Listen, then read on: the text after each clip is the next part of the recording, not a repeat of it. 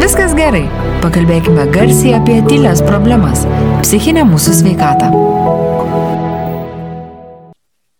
Tai sveiki mūsų klausytojai, pradedam trečius savo podkasto gyvavimo metus. Labas, Eglė. Labas. Ir trečius metus pradedam su mūsų ilgametė drauge Brigita. Sveiki visi, džiaugiuosi vėl dalyvaudama.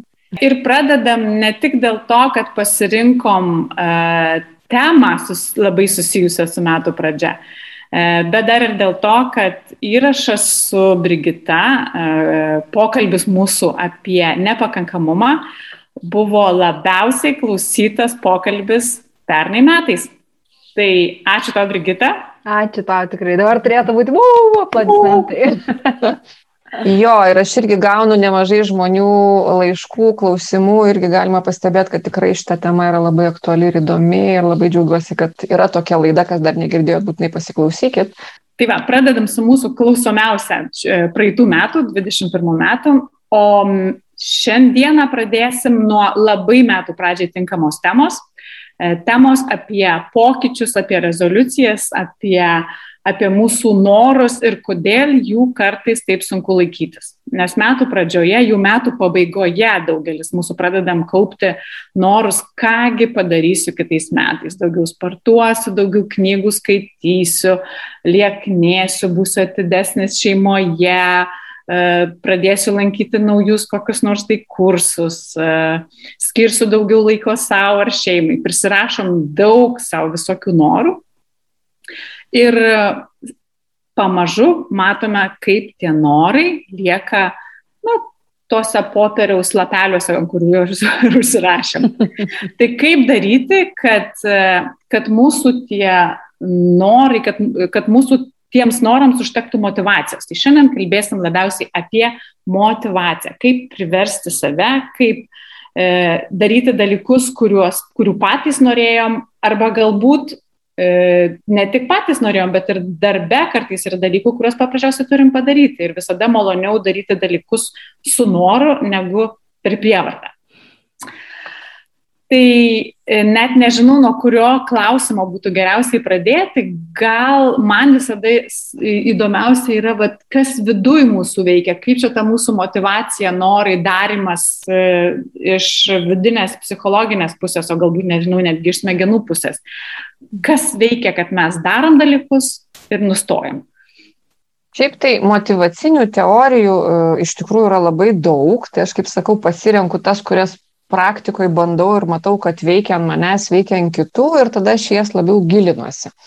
Tai kodėl mes pradedam ir metam kažką tai daryti, tai be abejo yra labai daug priežasčių. Ir aš kaip sakau, kiekvieno žmogaus situacija būna unikali ir ją reikėtų labiau patirinėti.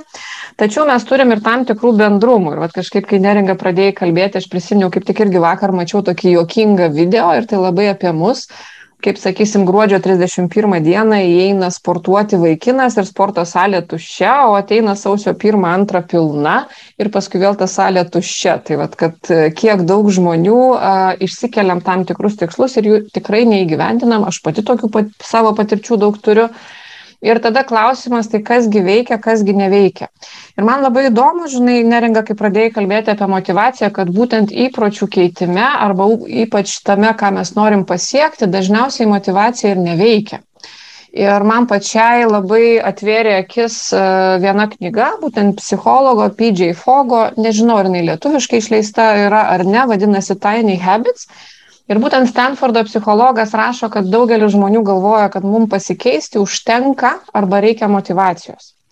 Tai būtent jisai visiškai paneigė šitą teoriją ir sako, ne, motivacijos neužtenka. Įpročius formuoti motivacijos gali užtekti savaitį, gali užtekti dienai, gali užtekti mėnesių, priklausomai, ko mes norim pasiekti, Ir tikrai ne vienas žmogus turbūt turi tą pavyzdį, kai motivacijos ir užtekdavo.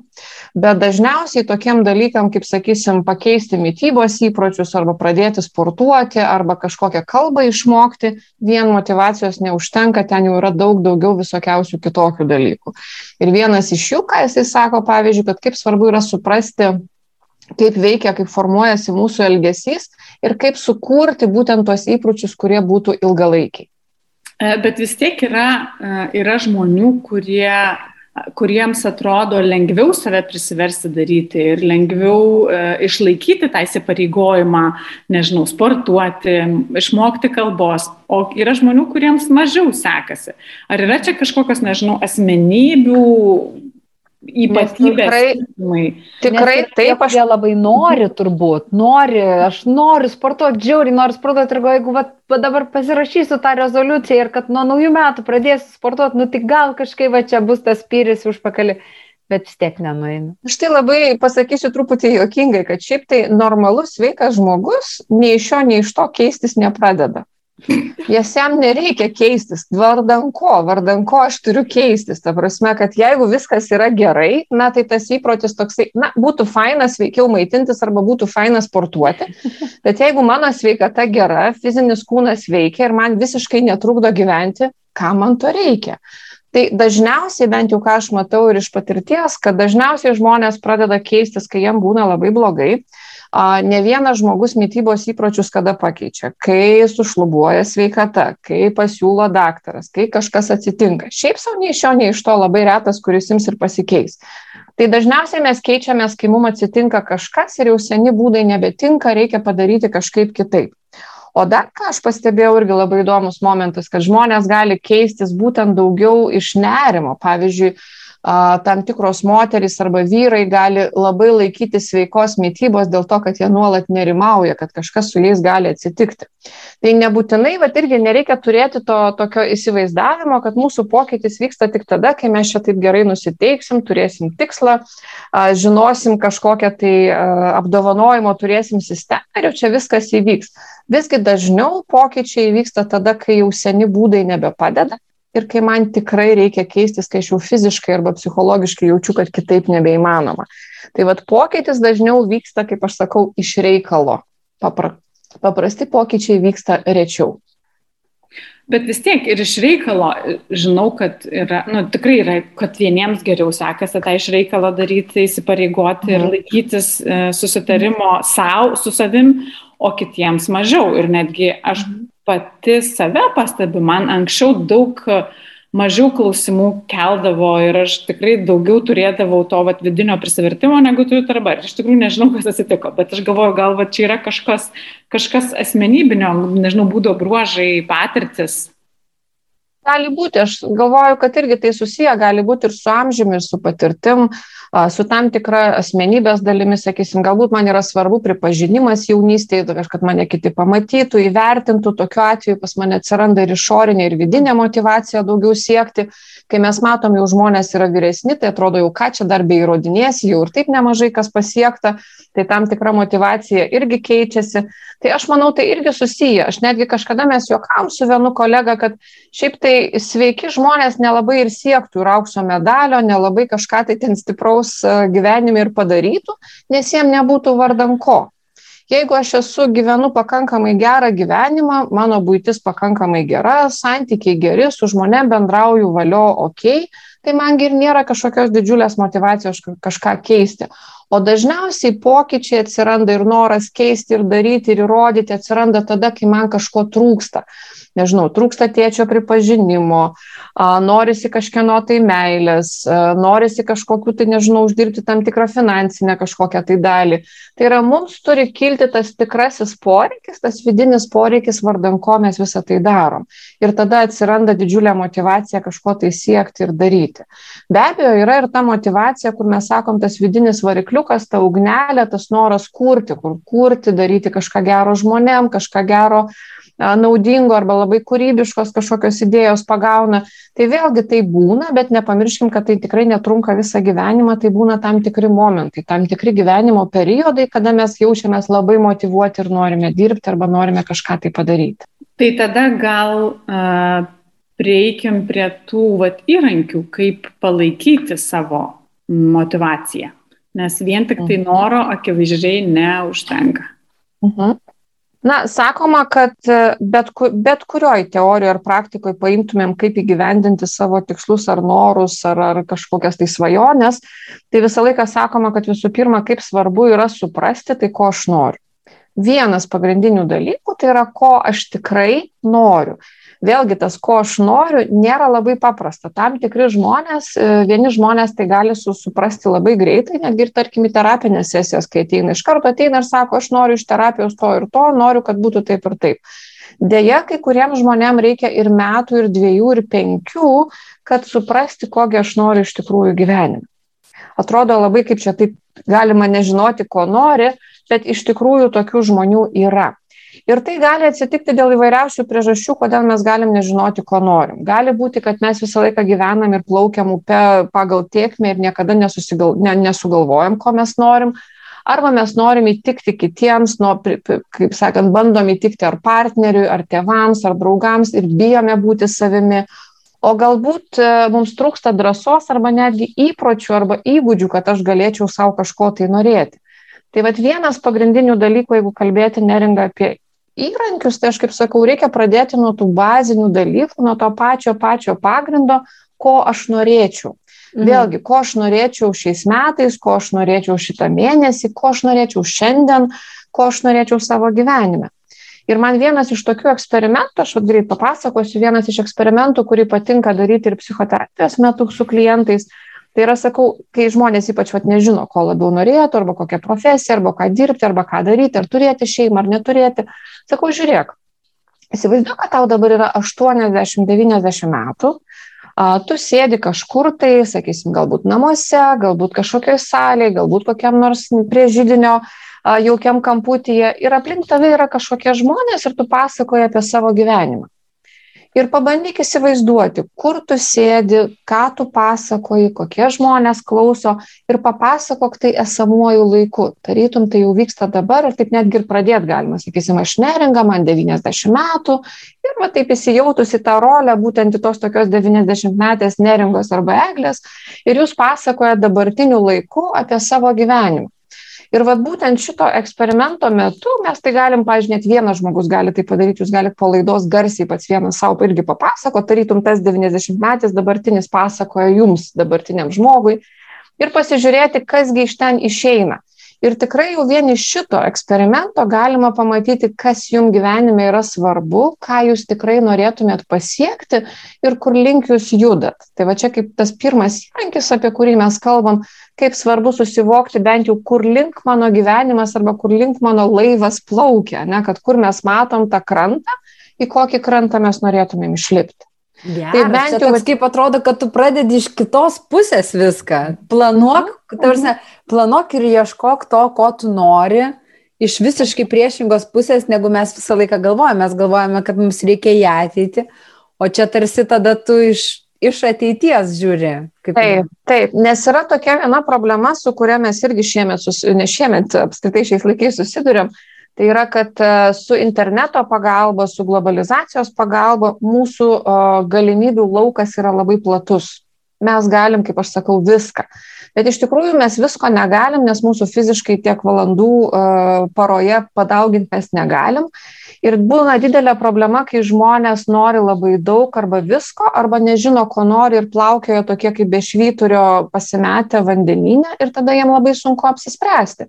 Tai va dėl to, kaip svarbu yra pamatyti, o kokia tada būtų mano pabaiga, bet kas tai turėtų, kas tai man yra svarbiausia. Ir tada tokiu būdu atsidūrus tam pasirinkimo laukia, galima šiek tiek lengviau susisiaurinti, kas man gyvenime svarbu, į ką aš norėčiau uh, atsiremti. Nes va čia irgi viena iš tų priežasčių, kaip klausėt pradžioj, kodėlgi žmonėm nepavyksta, kad visko yra per daug, noriu visko. Tai vad kaip susisiaurinti, kaip išsigryninti, ko aš noriu, kaip suprasti. Bet dar norėčiau pridurti, kad nebūtinai, vad kai kurie sako, tai ką aš čia dabar jau viskas pasakysiu ir dabar jau čia to man visą gyvenimą reikia siekti. Ne, sakau, galima pasidaryti reviziją. Aš, pavyzdžiui, pati asmeniškai tai irgi darau ir kas metus reviziją, bet ne naujais metais, man daugiau nauji metai yra rugsėjo pirmoji, tokia man kaip mokslo metų ir, ir visi, nu, bet tada aš būtent atsisėdu ir susimastau kelias dienas, ką aš norėčiau per šios mokslo metus.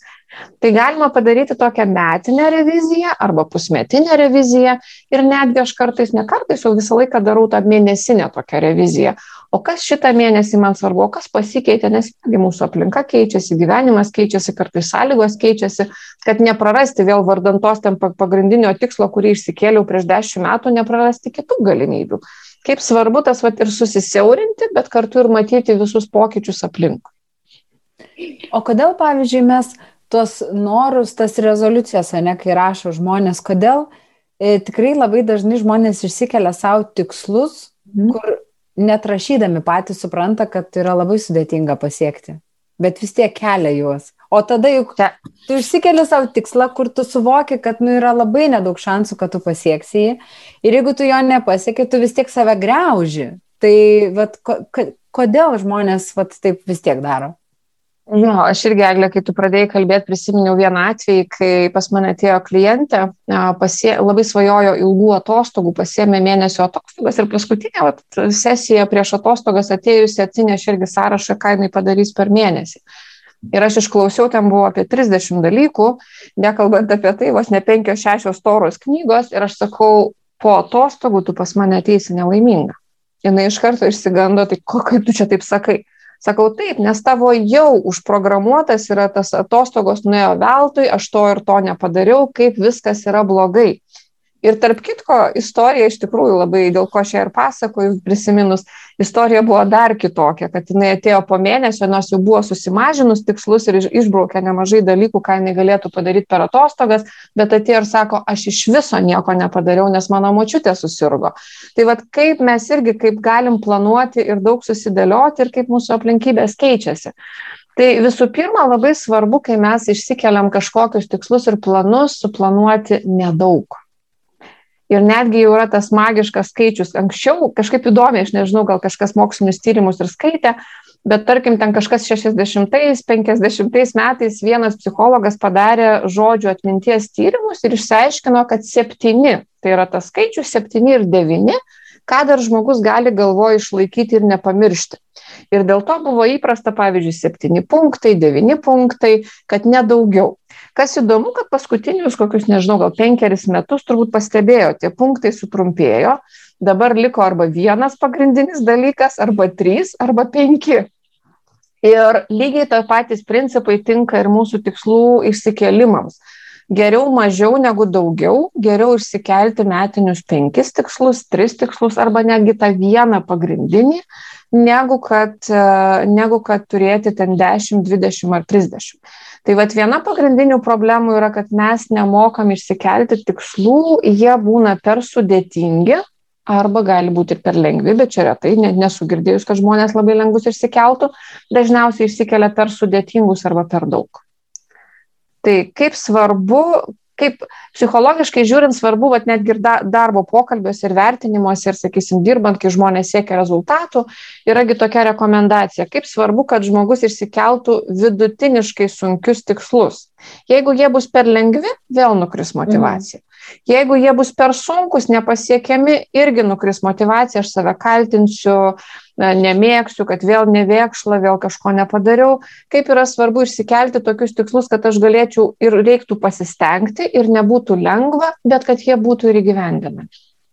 Bet mes tada, kas čia viduj su mumis yra, kad mes norim tuos nerealius tikslus savo tada užsikelti. Čia irgi klausimas galėtų būti, jeigu aš žinau, kad jau va, du metus savo, to savo ilgo sąrašo nepasiekiau ir vėl užsidedu dešimties punktų sąrašėlį, ką šiais metais padarysiu, tai čia gal tokia yra viduj toks noras savo įrodyti, kad nu, ne, nesugebu, nu, save taip, na, liaudiškai sakant, pagrūzinti truputėlį čia.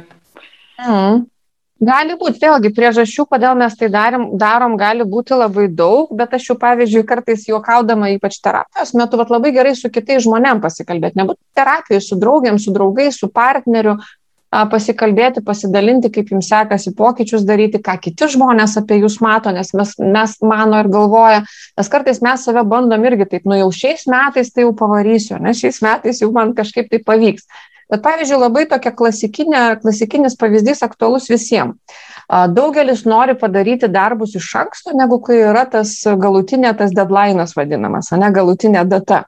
Tai mano patirtis, kadangi matau ir daug studentų ir pati esu tokia, kuri turi tuos datas padaryti, kitų datų padaryti darbus, tai visgi didžiausia masė žmonių daro naktį ir paskutinę minutę. Nu, iš vakaro paskutinę minutę Ir nežinau, kai būna studentai rašo rašto darbus, tai iš kokių dvidešimties vienas tik tai parašo 2-3 mėnesiai iš anksto, prieš savaitę parašo vienas kitas anksčiau, o paskui būna netgi be vienos minutės 12 ir pradeda kristi darbai.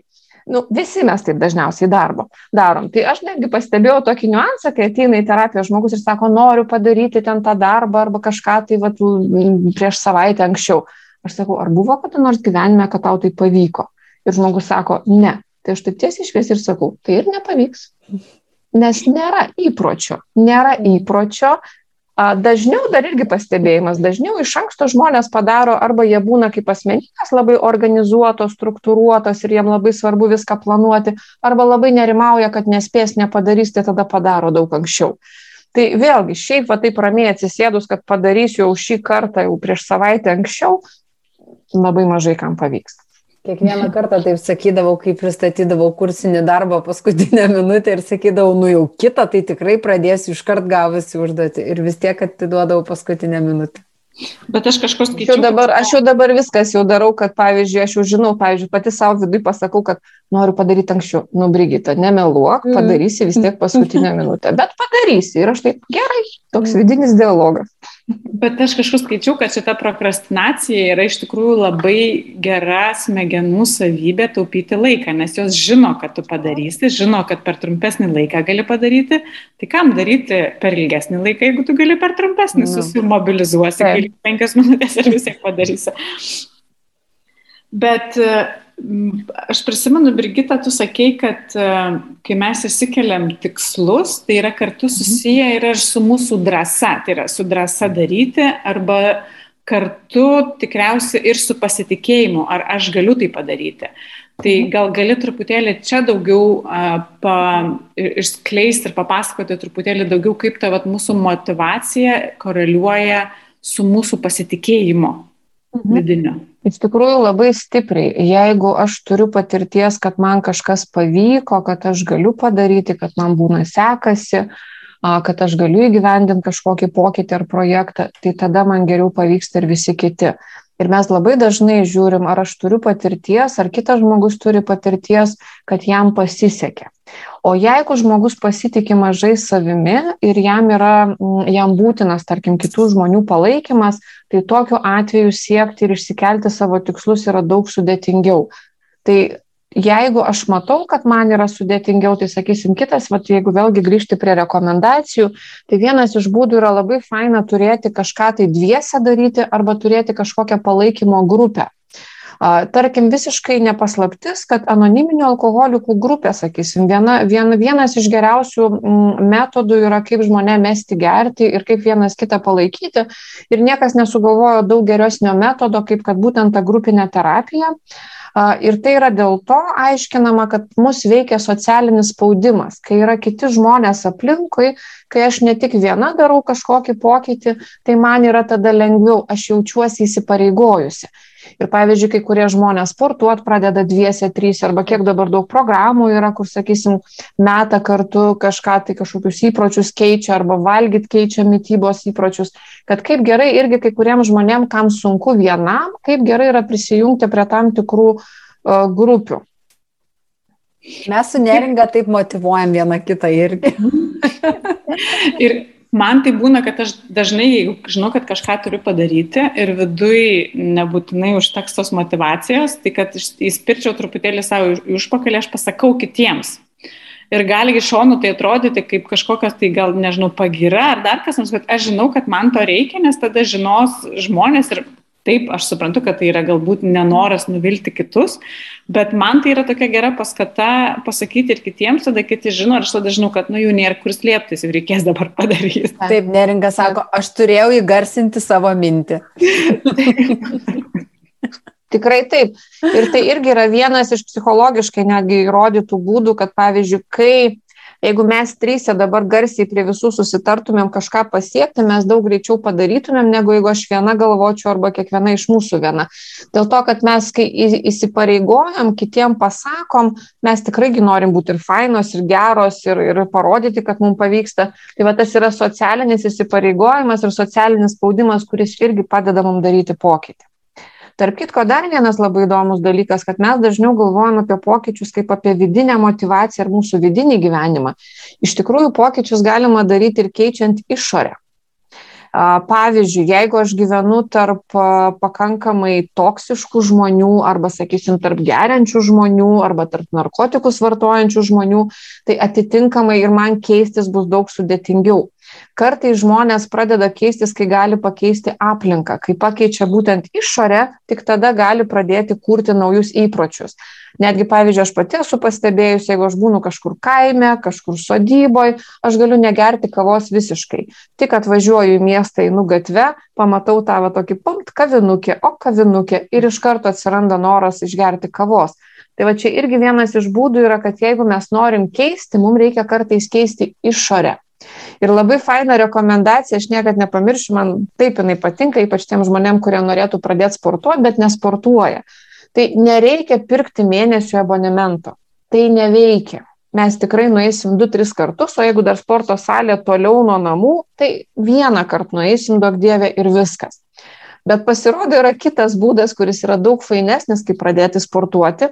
Tai yra pradžiai sugalvojau sportuoti pasistatau sporbačius prie durų, kad mane jie kvieštų ir šauktų kažkur tai išeiti ar pasivaikščioti ar kažką. Tai yra kaip priminimas, priminimas, kad aš noriu sportuoti. Apsirengiu aprangą fizinio, kad atrodyčiau sportiškai, vaikštau, irgi nereikia dar sportuoti, priprantu prie aprangos po namus bevaikščiodama. Paskui nepatikėsit, vieną dieną netyčia užsidėsit sporbačius galėsit išeiti į lauką. Tai va čia tokia yra mintis, kad tos pokyčius reikia daryti pamažu. Nereikia iš karto pirkti sporto klubo abonemento, o pirmiausia, va, iš pavaikščioti su, su, su sportinė apranga, padaryti namuose keletą atsispaudimų, atsilenkimų ar prisėdimų, išeiti pasivaikščioti per dieną nors po penkias minutės ir taip dauginti vis plus, plus penkios, plus penkios ir po kažkiek laiko jūs atsidursite sporto klube. Aišku, tai nedžiugina. Pavyzdžiui, tas žmogus, kuris aprašė šitą sistemą, jisai pats pasidalino, kad per septynis metus nuo dviejų atsispaudimų jisai pradėjo kiekvieną dieną daryti 50 atsispaudimų. Per septynis metus. Skamba baisiai, ne? Septyni metai. Bet jisai bent jau tai darė ir daro kiekvieną dieną. O kiek žmonių, tame tarp ir aš pati, susigalvoju, vat nuo šiandien, tai kaip jau nueisiu sporto klubą, tai jau bus viskas, ar ne, jau visam gyvenimui. Deja, deja, tam sporto klube aš neužsilieku, ne? O kaip tada, kaip Rigita sakė, vat, grįžtant prie to pasitikėjimo ir drąsos ir įgūdžių, mhm. taip pat stiprinimo, mm. kaip jeigu aš neturiu daug patirties, nebūtinai tai suvokiu ar nesuvokiu, padarant kažką, to tokio kūnas neturi to patyrimo, kad kai padarai, labai faina yra, ne?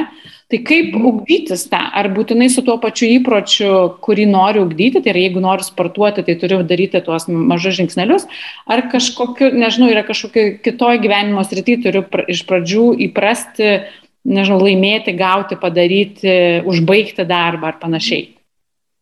Jo, jeigu su pasitikėjimu yra sunkiau, tai aš sakyčiau labai faina yra praktika, man atrodo, aš jau ir dalinausi pas jūs. A, tai yra pavyzdžiui vakare, einant miegoti arba einant vakarieniauti, a, padėkoti savo už kažką arba pagirti save už kažką, kas man šiandien pavyko. Mes dažnaigi pliekiam save, to nepadariau, ano nepadariau, ten galbūt netaip reikėjo, pasportuoti reikėjo, dar kažką padaryti bet kaip yra faina, kai mes galim, kai baigęs diena, už ką aš galės, galiu save pagirti, kas man šiandien pasisekė. Ir jeigu tai tampa įpročiu, pavyzdžiui, netgi yra vienas, du arba trys dalykai, už ką aš galiu savo šiandien padėkoti, jau mes pamažu tokį kaip treniruojam įgūdį arba raumenį psichologinį, kad būtent kaip pamatyti tai, kad ką aš galiu padaryti. Ne? Bet vėlgi, jeigu norint neringa, kaip sakiau, kaip va čia dabar, ar iš karto naują kažkokį įprotį formuoti ar ne, Tai sakoma, kad geriau ne, geriau kažką tai, ko aš labai noriu ir pabandyti pradėti vat, nuo tų dalykų, kurie man svarbus gyvenime pokytį daryti, ne nuo tų, kurių reikia, o nuo tų, kuriuos aš labai labai noriu. Ir tada gauti vėlgi tą pastiprinančią teigiamą patirtį, kad man pavyko. Ir mes netgi terapijoje, kai šnekam, pavyzdžiui, jeigu žmogus daro kažkokį pokytį, mes klausim, o ką tu keitėjai gyvenime ir tau pasisekė ką tu iš tos patirties, kada tau pavyko, galėtum panaudoti šitoj situacijai. Ir tikrai galima atrasti. Tai vad vienas kitas iš būdų, vienas būdas yra, kaip aš sakiau, tas kartoti ir savo dėkoti už kažką tai ir atkreipti dėmesį, kas man ir sekasi. O kitas dalykas, pasižiūrėti, kas man praeitie gal buvo kažkokių dalykų, kas man įvyko, ką pavyko pasiekti ir ką aš tada dariau ir galėčiau padaryti šiandien. O tiesa yra tai, kad įpročiai susiformuoti reikia 21 dienos? Ne, tai yra mitas. Nu va. A, tai yra mitas, kaip ir daugelis kitų dalykų, kurie būna tokie labai supaprastinti. Aš kaip sakau, būna ar konferencijos metu, ar kokios nors e, mokymų metu, ar knygoje kokio nors autorius iškelia tam tikrą uh, skaičių. Neatsimenu, kur skaičiau, kas ten būtent tą 21 dieną sugalvojo, bet tai irgi yra mitas. Ir pernai metais aš skaičiau vieną irgi tyrimą, Londono verslo mokykla darė ir jie vat irgi būtent kalbėjo apie tai, kad tikrai neužtenka 21 dienos, labai priklauso nuo įpročių ir ką mes keičiam ir kas, koks yra mūsų siekiamas rezultatas bet tarkim tas ta tas pats tyrimas pateikia tokius tris vat pap skaičius ir aš galiu irgi jums juos pacituoti. Mhm. tai sakysim žmonės tyrė kiek laiko jiem reikėjo kad pasikeisti. Tai kad padaryti įpročiu išgerti kiekvieną dieną sveiką sulčių kokteilį kažkokį tai vat sulčių sveiko gėrimo, kaip jie sako, healthy drink, ne, kad kažką tai sveiko, tai būtent kažkokį tai vaisių daržovių, e, reikėjo žmonėm dviejų mėnesių kad išmokti kažką, ne apskritai sveikai valgyti, bet kad per dieną suvalgyti kažką sveiko, žmonėm reikėjo 9 savaičių. O kad sportuoti pradėti reguliariai, reikėjo 91 dienos, tai čia yra 3 mėnesiai. 3 mėnesiai. Jo, tai čia yra tik pavyzdžiai, skaičiuojant vidutiniškai, kiek tiem žmonėm reikėjo ir kas čia tokio įvyksta. Ir va čia būtent buvo tas 21 dienos paneigimas, kad e, visgi reikia labai skirtingai nuo kokio, nuo kokio, ką mes norim, kokį įgūdį suformuoti ar įprotį ir ką mes norim pakeisti. Na tai nenudžiuginsime šią klausytojų, reikės truputėlį daugiau susikaupti negu tas 21 diena. Šiaip tai, šiaip tai nežinok, nerenga, kai kuriuos įpročius galima pakeisti ir per, per nežinau, per 10 minučių. Pavyzdžiui. O kai kuriem įpročiam ir viso gyvenimo neužtenka.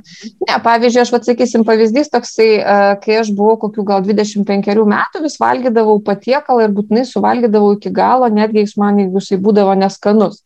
Ir tai vėlgi yra mūsų įsitikinimai, mūsų auklėjimas, tam tikri įpročiai. Ir man atsimenu irgi terapijos metu grupiai sako, kodėl tu valgai, nu taigi reikia, čiagi negalima palikti lėkštės tuščios, sako, kas atsitiks, jeigu tu nesuvalgysi, nu kaip čia kažkas tai, o sako, tu pabandyk nesuvalgyti. Ir nuo to laiko nebevalgau, kai man neskanu, tai atrodo viskas, užteko 10 minučių pokalbio apie tai. tai nereikia, aš taip nenoriu gazdinti, tikrai yra įpročių, kuriuos galima pakeisti greitai ir yra, kuriem neužtenka viso gyvenimo. Tai pradėkim apie tuos įpročius, kur sakai, kur labiausiai, e, daugiausiai laiko reikia, 90 dienų apie sportą. Nes pavyzdžiui, ne, kur sakai pradžioje tą mhm. pratimą, kur žiūrėti į, į savo 90 metų perspektyvą. Ir e, aš, pavyzdžiui, noriu sportuoti. Tikrai norėčiau e, labiau nuosekliau sportuoti, nes, mhm. na, kad tai susidarytų kažkoks kasdieninis įprotis savo kūnui. Ir sekasi tai man tikrai nekaip ir kiekvienais metais vis pasakau, kažką tai padarau, bet e, nelabai patenkintos tais rezultatais. Ir tikrai po tų 90 metų aš tikrai žinau, kad noriu matyti sveiką tą neringą, ne kažkokią tai ten gulinčią, sur, surakintą kažkur, ne. Tai to noro yra, racionaliai irgi suprantu, kad nu kūnui sveikia, kad man nuo to geriau. Bet nu, daryti nuo to tai nelengviau, nu, vat, vidur neužsidega tiek. Aišku, nesau, kad nedarau visiškai, bet kokie va tada būtų e, įrankiai, e, kad palaikyti tą įprūtį, nes vien tik tai sakyti mhm. savo, kad va dabar 30 dienų pabandyk, 90 dienų pabandyk ir tikrai po to bus lengviau, nu, va irgi neveikia, va nežinau, surask, kas galėtų veikti. Jo, čia irgi nėra toks labai lengvas atsakymas, bet turbūt visų pirma, tai reikėtų išsirinkti, koks e, sporto būdas tau labiausiai tinka. Tai yra svarbu išsirinkti, kad jum patiktų. Pavyzdžiui, yra visi e, žmonės, vieni mėgsta bėgti, kiti mėgsta dviračių važiuoti, treti mėgsta kažkokį komandinį sportą, ketvirti mėgsta šiaurinį vaikščiojimą. Tai vad kaip svarbu išsirinkti savo būdą, ne tai, kad primetė kažkas, ne tai, kad reikia, ar skaičiau, kad čia labai sveika, Bet kaip svarbu suprasti, kas jums rezonuoja. Pavyzdžiui, aš esu mačius atveju, kai žmonės sako, joga gyvenime, pabandžiau, nepatiko, koks nors cigūnas nepatiko, o vat pilatėsą padariau kaip užkabino, tai visam gyvenimui. Iš tikrųjų, tikrai vat, nu, nėra taip lengva suprasti, kogi aš noriu, kad racionaliai mes galim nesuprasti, kaip svarbu išbandyti keletą rušių, keletą judėjimo būdų, sportų, kas jums labiausiai tiktų. Tai gal reikėtų irgi pradėti nuo to, kad vat, nebūtų tas dalykas primestas. O paskui jau yra begalė būdų, kaip tai padaryti. Pavyzdžiui, vienas iš dalykų, vat, kur tas irgi autorius, kur sakiau, kad pokyčius daro po truputį, teigia, kad reikia daryti po truputį. Tai sakysim, pradėti nuo to, kaip aš jau ir minėjau, paprasto dalyko, sakysim, jeigu geriat kavą, ryte išgeriat kavą, po kiekvieno kavos podelio, tarkim, padaryti 10 pritupimų. Ir tai jau yra įgūdžių formavimas. Nesvarbu, kad jūs ten po 10 metų nedarysit tos pritupimus bet pats įgūdis jau yra formuojamas būtent tokių žaidybinių, žaidybinių elementų. Arba, pavyzdžiui, kai nueinat į tualetą, po tualeto visą laiką padarote, nežinau, nuo sienos kokį nors atsispaudimą. Arba kai laukia troleibuso, nežinau, vaikštot aplinkui stotelę. Toks susigalvoti savo kažkokių linksmų užsiemimų, kurius po truputį judat ir kažką tai darot. Tai va čia vienas iš būdų irgi toks po truputį tuos įpročius sukurti ir paskui jie atsiras. Viena iš sąlygų, kaip padaryti, kad jums tas įprotis susiformuotų, tai neturi būti sudėtinga. Jeigu bus sudėtinga, nepavyks. Va, kaip aš sakiau, nuvažiuoti sporto klubą į kitą miesto galą nepavyks. Kaip tada svarbu aplink savo namą arba savo kieme kažką padaryti šiandien, vietoj to, kad važiuoti į sporto klubą. Ir tai bus daug daugiau naudos įpročių formavimą. Bet o gali būti taip, kad tie įpročiai, jie galbūt uh, labiau tokį tą e, pagreitį įgauna, e, na, kaip siekimas tų įpročių keitimo, kada tu matai kažkokį rezultatą. Nes, nu, tarkim, jeigu tu pasakai savo, kad aš sportuosiu ir prisiverti vis tik sportuoti, labai daug žmonių, man atrodo, išsikelia lūkesčius didžiulius ir mhm. galvoja, nu gerai, bet aš viską čia sportuosiu, tris savaitės neina į sporto klubą, atsistojant svarstyklių, niekas nepasikeitė. Ai, maždaug velniop, čia niekas nesiseka, im, imam kitą įprotį tada, žinai. Jo, kad uh, tikslo turėjimas irgi yra labai svarbus, galim turėti, kaip mes sakėm, tą metinį tikslą, kaip aš norėčiau po metų sportavimo, ką būti pasiekęs, bet tada kaip svarbu tą tikslą išskaidyti kas mėnesį, tarkim, ir tuos va, tikslus išsikelti kuo adekvačiau. Jeigu mes kalbam apie sportą, tai aš tikrai rekomenduočiau pasikalbėti, pasitarti su sporto instruktoriumi, ne? nes pavyzdžiui, irgi žinom, kad kalbama, kad kaip tik, jeigu, jeigu mano sporto tikslas yra mesti svorį, tai kaip tik gali būti pradėjus sportuoti, kažkiek tai laiko tas svoris gali ir priaukti. Ne? Mm. Tai vad kaip svarbu tuos mitus visus išsiaiškinti su specialistais. Ir tarp kitko, netgi sporto instruktoriai man irgi yra dalinėsi, kad ateina žmonės tikrai su labai aukštais ir neadekvačiais lūkesčiais. Tai aš kaip sakau, kaip svarbu pačioj pradžioje yra išsistudijuoti, pasižiūrėti, pasiskaityti, kaip ten būna, o kas negali ir neturi tiek laiko, tai visą laiką gerai pasikonsultuoti su tų sričių specialistais. Jie daugiau žino, jie žino, jie turi praktikos ir jie tos mitus gali sugriauti. Bet kas mėnesį tada vat, pasikonsultavus arba paskaičius, pasidomėjus, tikrai irgi naudinga turėti tuos mėnesinius tikslus, kad ką aš norėčiau po mėnesio pasiekti. Beje, yra žmonių, kam padeda motivacinė sistema, tas būtent tos vadinamos premijos, apsidovanojimai. Tarkim, ten jeigu padarysiu kažką per du mėnesius, ten nusipirkti suknelę arba skaniai pavalgyti arba nuvykti į kažkokią kelionę. Vėlgi, kai kurie save bauduoja, kai kurie apdovanoja mano patirtis, kad žmonėms veikia labai skirtingai. Tarsi nėra kažkokios sistemos labai geros arba tobulos. Kai kas sako, man ta apdovanojimų sistema visiškai neveikia. O kiti sako, man būtent baudavimas tas neveikia. O kitiem kaip tik sako, vad būtent tai man labiausiai ir padeda. Tai vad kaip svarbu eksperimentuoti ir mhm. surasti tą tokį būdą, kuris labiausiai tinka. Bet apdovanojimas arba, sakysim, kažkoks ten baudų skirimas tikrai yra irgi žmonėm veikia ir padeda siekti savo tikslų. Tas baudų skirimas taip labai liūdnai skamba, nes man atrodo, kad savęs nereikia bausti už nieką. Aš kaip tik visą laiką, aš visada randu priežastį, už ką save galiu apdovanoti ir man tai labai patinka. Bet man čia truputėlį sus, susišaukia ir su kita, su kita tema, tai yra to mūsų gebėjimo atidėti malonumą. Tai yra atidėti malonumą tam, kad po, pavyzdžiui, mėnesio galėčiau save uh, malonumą tai turiu menį, kad atidėti malonumą pagulėti ant sofos. E, ir vietoj to pakelti savo užpakalį ir, nežinau, ar tai pasportuoti, ar tai prisijungti prie kompiuterio ir išmokti, nežinau, tą 20 savo kinų kalbos žodžių, jeigu tikslas yra mano išmokti kitą kalbą. Ar, nežinau, šiaip e, skirti kažkokį tai savišvietai, tai kaip Brigita, čia vat, su šituo gali papasakoti truputėlį tas mūsų viduj gebėjimas atidėti malonumą, kurį mes kaip vaikai būna maži, bandom ugdyti, bet tikrai ne, ne visi mes jį turim labai stiprų. Man teko kažkur tai irgi matyti netgi tą psichologinį tyrimą, gal jūs esate irgi matę, girdėję, kad kai uh, vaikam palikdavo ten kažkokių skanėstų ir sakydavo, paliekam jūs vienus ir jūs čia galite skanėstą greitai valgyti. Arba... Jo, jo, jo. Ir, ir, ir, ir, būdavo, ir buvo ta teorija ir praktika būtent po to tyrimo, kad vaikai, kurie sugebėjo atidėti, a, tai būtent jie paskui vėliau gyvenime buvo daug, sėk, daug sėkmingesni žmonės.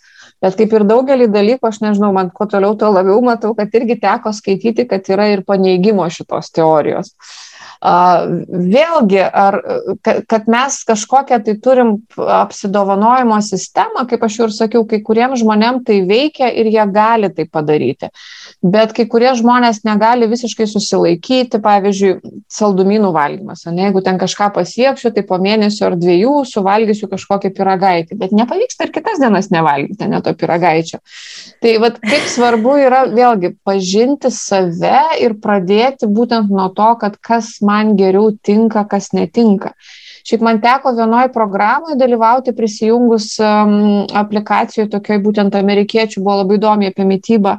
Tai jie nepradėjo nuo to, kaip reikia keisti įpročius ir čia dabar nevalgysiu tokio produkto ar kito, bet dvi savaitės grinai dirbo nuo psichologinių niuansų. Pavyzdžiui, pirma, pirma savaitė buvo skirta tik samoningumui ką aš valgau, kaip aš ką darau ir sako, jums nieko keisti nereikia, tik stebėti tik stebėti, kas su jumis vyksta.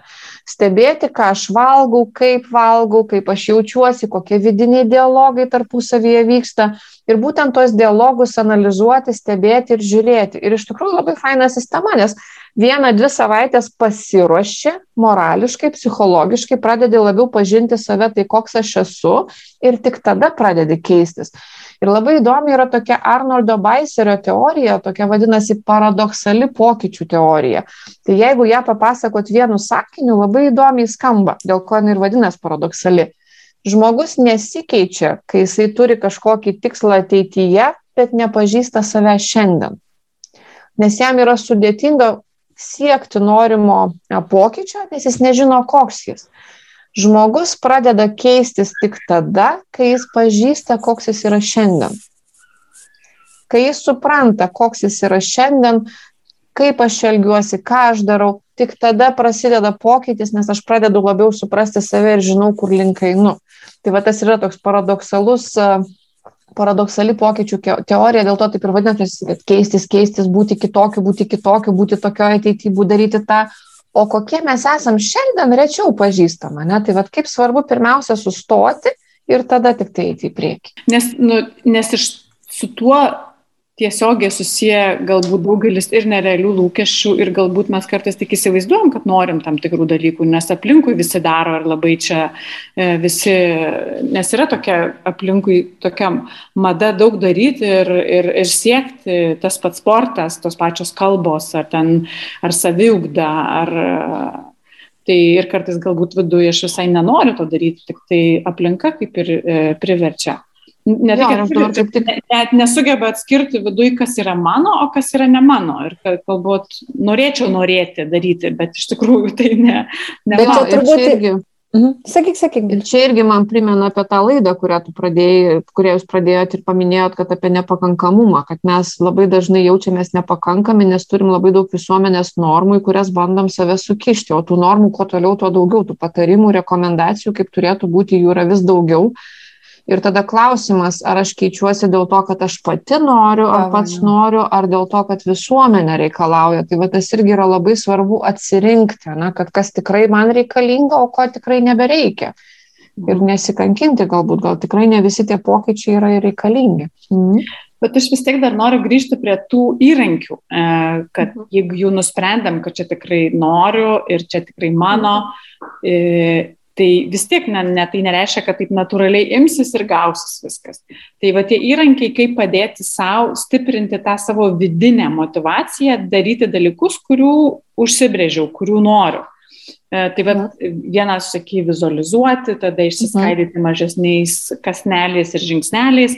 Kokie galbūt mhm. dar yra įrankiai, kaip pat mhm. nepalikti norui? Dar vienas būdų, kaip save motivuoti, e, jeigu nekalbėt vien tik tai apie tą kasdieninį įpročių keitimą ir tos mažus žingsnius, tai yra toks autorius Joe Dispensa. Jis irgi pakankamai populiarus Amerikoje ir, jis, ir lietuviškai netgi knygos yra išverstos. Tai jisai būtent pasako irgi, kad netgi, pavyzdžiui, jeigu aš išsikeliu mėnesių arba metų tikslą, kaip svarbu jį ne tik vizualizuoti, bet ir pajausti kaip svarbu užsirašyti, ką aš noriu pasiekti, bet ne ką aš noriu pasiekti būsimuoju laiku, o esamuoju laiku. Pavyzdžiui, nežinau, ten būti įgyven... aš, aš, aš įgyvendinu projektą arba aš pasiekiu gerų rezultatų šiame projekte, būtent esamuoju laiku. Ir tuo pačiu, jisai sako, užmerkti akis ir pasėdėti ir kūniškai, fiziškai pajausti, kokia yra emocija, kai aš tai pasiekiu ir pabūti toje emocijoje. Ir kas yra įdomu, kad e, jisai yra visiškai tuo įsitikinęs, kad kai žmogus dažniau tai praktikuoja, jisai labiau pradeda siekti savo tikslų ir jam labiau sekasi. Galima tai suvesti į mistiką, bet aš tai suveščiau netgi ir ne mistiką, o į paprastą dalyką kad kuo aš daugiau a, suvokiu ir suprantu ir išjaučiu, ko aš iš tikrųjų noriu, tuo aš labiau savo aplinkoje visą tai ir pastebiu. Pavyzdžiui, jeigu mano tikslas yra nuvykti į Meksiką, aš labai noriu ir didžiulę svajonę ir tikrai žinau, kad ten noriu, tai aš eisiu gatve arba įlysiu internetą, aš tikrai pamatysiu skelbimus, informaciją apie Meksiką ir nepamatysiu kitų. Tai va tas vidinė motivacija tokia reikalinga, kad ją, va, kaip aš sakiau, išsigryninti, suprasti, o jeigu dar Džos Dispensa sako, įtraukiam ir emocijas, tai mes dar labiau jaučiamės įsitraukę.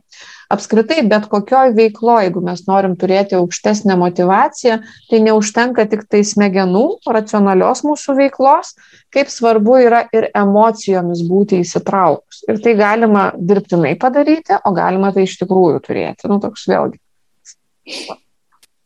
O dar kadangi tu esi daug dirbusi ir dar ir šio, ir e, šiuo metu taip pat dirbi su verslu, e, vieną klausimą dar turiu mm, su ta tema motivacija yra susijusi, kad mes labai daug kur girdim, kad motivuoti darbuotojus, motivuoti mokinius, motivuoti vienas mhm. kitą. Ir man visada kila klausimas, kiek mes galim motivuoti kitą žmogų, kiek tai ir kur prasideda ta atsakomybė jau uh, žmogaus darbuotojo, kad na, tu turi pats turėti motivacijos, niekas tavo aplinkui darbė jos na, nesukurs, mhm. jokie tenais e, mhm. vakarėliai ar tenais papildomi mhm. kursai ar dar kažkas. Tai va šitą, šitą temą dar jeigu gali paliesti, kiek mes galim motivuoti kitus.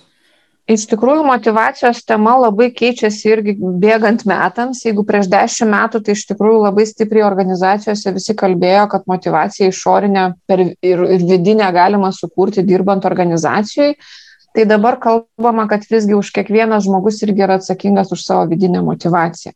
Kad jeigu aš jos neturiu arba jeigu aš pati jos nesuprantu, man joks darbdavys ir jokia organizacija tos vidinės motivacijos uh, dirbtinai nesukurs. Ir tada yra dalykas toksai, kad aš tai sakyčiau, kad viskas svarbu. Ir tas komplektas, kokį mes turim įmonėje, tai yra būtent kokia yra atmosfera, kokie yra, kokios yra kolegos, kokie yra tikslai. Viskas, viskas, čia tik porą dalykų išvardinau. Bet vis tiek yra labai svarbu vidinė motivacija. Ir jeigu aš neturiu vidinės motivacijos dirbti, kurti, bendrauti su žmonėm, vėlgi čia tik bendrinė kalba sakau, E, bet labai svarbu suvokti savo motivaciją, kasgi mane veža, kodėl aš dirbu šitam darbę ir kodėl vardan ko mes čia kartu dirbam. Ir dėje yra atvejų, ir aš tai visiškai atvirai sakau, kad mes galim ir kaip įmonė daug ką daryti, ir kaip šeimos nariai galim labai daug ką daryti. Yra žmonių, kurie taip niekada ir savo tos tokios vidinės motivacijos ir ugnelės netranda. Priežasčių gali būti vairių. Pavyzdžiui, gali būti, čia tik kaip pavyzdį duosiu, sakysim, nuo pat mažens augų ir mane labai stipriai kontroliuoja tėvai, viską už mane daro, viską atlieka, man nieko neleidžia daryti. Ir gali tai būti, kad aš užaugau, man 20-25, o jau paskui ir 40 ir 50 ir aš taip iki šiol ir nesuprantu, kas aš, ko aš noriu ir kaip aš gyvenu.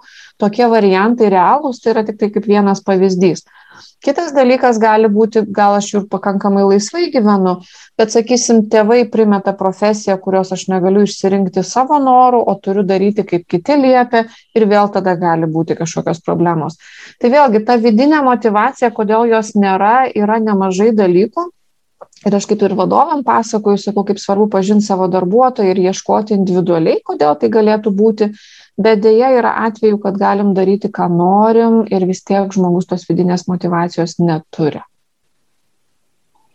Tai va, matai, pasirodo, dar ir vaikus auginant reikia irgi atkreipti, ne, nu be abejo, aš suprantu, kad tai reikia atkreipti dėmesį, kad, kad irgi neužauktų nemotivuoti žmonės ir paskui neturėtų problemų su savo tikslų siekimu gal labiau atsikabinti turėtume tiek nuo darbuotojų, tiek nuo savo vaikų, kad jiems leisti atrasti tai, kas yra jų ir tada kiekvienas suras tiek savo darbdavį, tiek, mm. savo, tiek savo sritį, kurią, kuri, kurioje atsiranda ta vidinė motivacija. Šiaip tai, jeigu mes kalbam apie motivaciją, tai visą laiką reikėtų galvoti apie savo poreikius, nes kaip mes vat irgi psichologijai sakom, kad mūsų gyvenimą valdo poreikiai ir kaip svarbu juos suprasti. O kaip juos suprasti, tai labai, iš tikrųjų, pajokausiu, labai paprasta.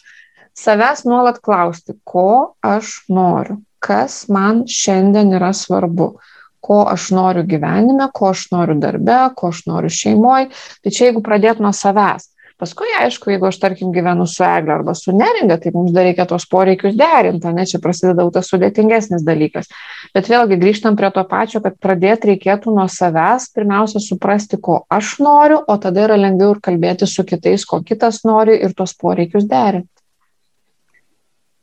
Tai Gal tada ir baigsim palinkėti klausytėjams atsirinkti labai tuos dalykus, kurių iš tikrųjų norit, sumažinti savo norų pokyčių sąrašą ir sėkmės atrandant tos vidinę motivaciją. Ačiū, Virgita. Ačiū ir Jums. Ai, viskas gerai. Pakalbėkime garsiai apie tylės problemas - psichinę mūsų sveikatą.